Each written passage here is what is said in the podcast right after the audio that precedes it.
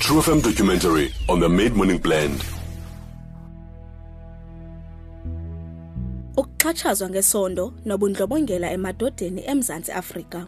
Ngenxa yamanani abhabha phezulu odlwengulo, uMzantsi Afrika waziwa njengondlunkulu wodlwengulwe kumazwe onke. Kuninzi okusisankxwe okungqongele ntetho, kodwa nokuba inyani ithini na, kufanelekile ukuba sivume ukuba ilizwe lethu linenani elingapha kokuqonda lodlwengulo. Kule ngxaki kukho indaba yakwamkhozi, ukudlwengulwa nokuxhatshazwa kwamadoda.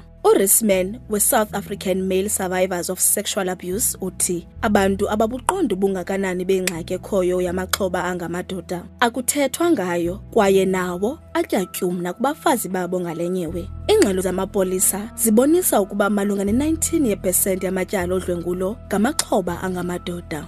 Exact figures of male rape in South Africa are still unknown. But what we do need know is the percentage of males who report sexual offences to uh, the authorities. And the latest figures that we had was from just five years ago, and it is said that 19.4% of all sexual offences of adults that were reported to the police station were males. So that's quite a staggering figure. So 19.4 virtually equates to one in one in five males who are compared to females. So 20% of all victims of sexual uh, abuse or rape are actually males. So that is that is quite a shocking figure that we got, which is it's equated to 7,535 males in that year. When we compare from a child's point of view or from a person under the age of 18, international studies, including studies in South Africa, say one in six males will be sexually abused before the age of 18, and one in three females will be sexually abused before the age of 18. So the figures are extremely high in South Africa. If we go back and we actually have a look at the figures at 19.4% of the victims, adult victims of sexual violations are males. And you take into consideration that males are 10 times less likely to report it at a police station, the figure becomes horrific. The figure is much higher than that. But our biggest concern is what happens to these figures. Because when these go to the police station, when these males go to the police station and they report the sexual violation, none of them are coming and being investigated. It is because quite often the authorities don't know how to deal with it. Sometimes they mock the person, and then the person goes back and withdraws the charges because they don't want their community and their family to know what has happened to them. And this specifically happens in rape.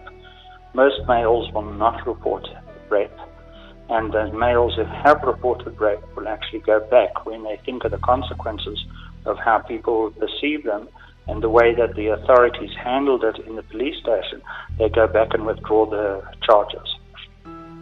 Nangona undoqo sekubeni kuliwe udabi lodlwengulo ngabahlali, ukunikwa ingqwalaselwa emandla ekudlwengulweni kwabasetyhini kwenza ukuba kuthi cwaka ngoburhelemnqa bokudlwengulwa kwamadoda. Umthetho woMzantsi Afrika utshintshile. Lo mthetho umtsha we-Sexual Offence Act awucazululi udlwengulo ngokwesini. Njengabahlali, simele sikwamkele oku kwaye siwakhathalele onke amaxhoba oyindoda nowasetyhini. We've got a fantastic Sexual Criminals Offences Act that it is fantastic because it doesn't mention about a male and female. And when people out there think that a male has been raped, they automatically think he must have been gay.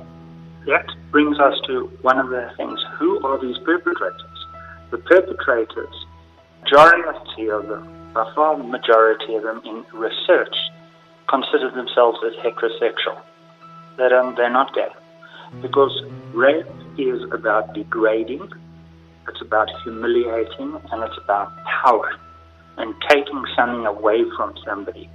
So within male rape, which is the difference between male rape and female rape, in male rape, you take away a person's masculinity.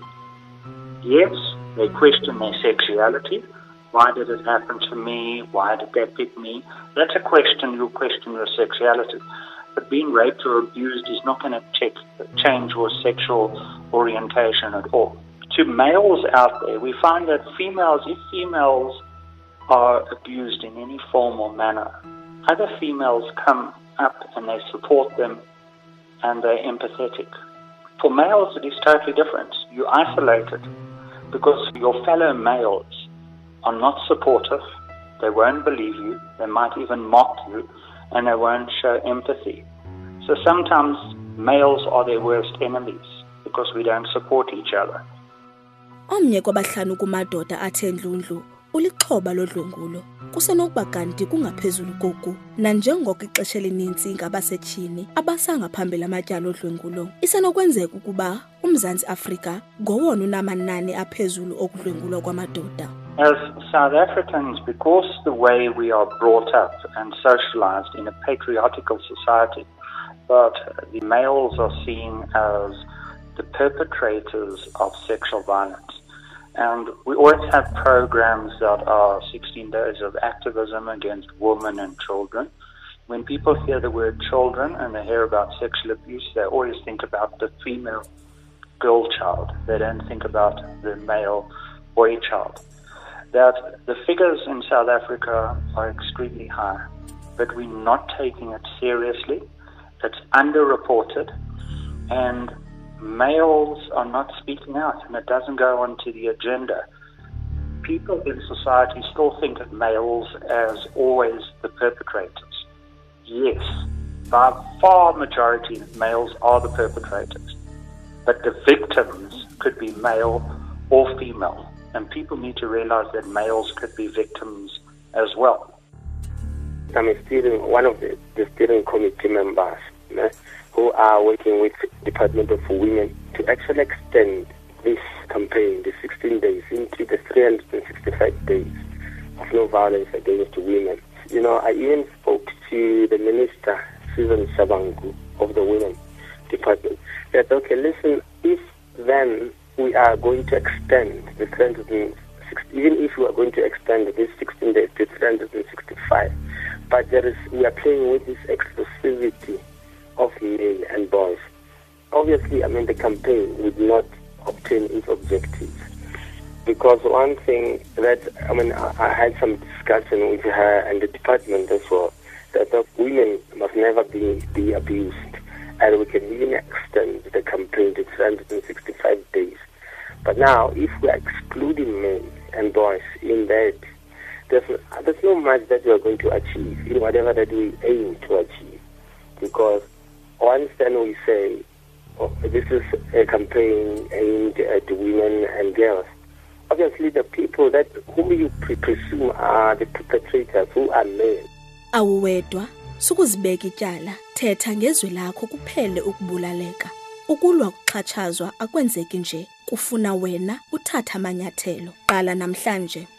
Masibe kunye kwixelizayo xa sizawube sithetha ngamadoda enza umahluko kwinkalo ngenkalo ekuhlaleni.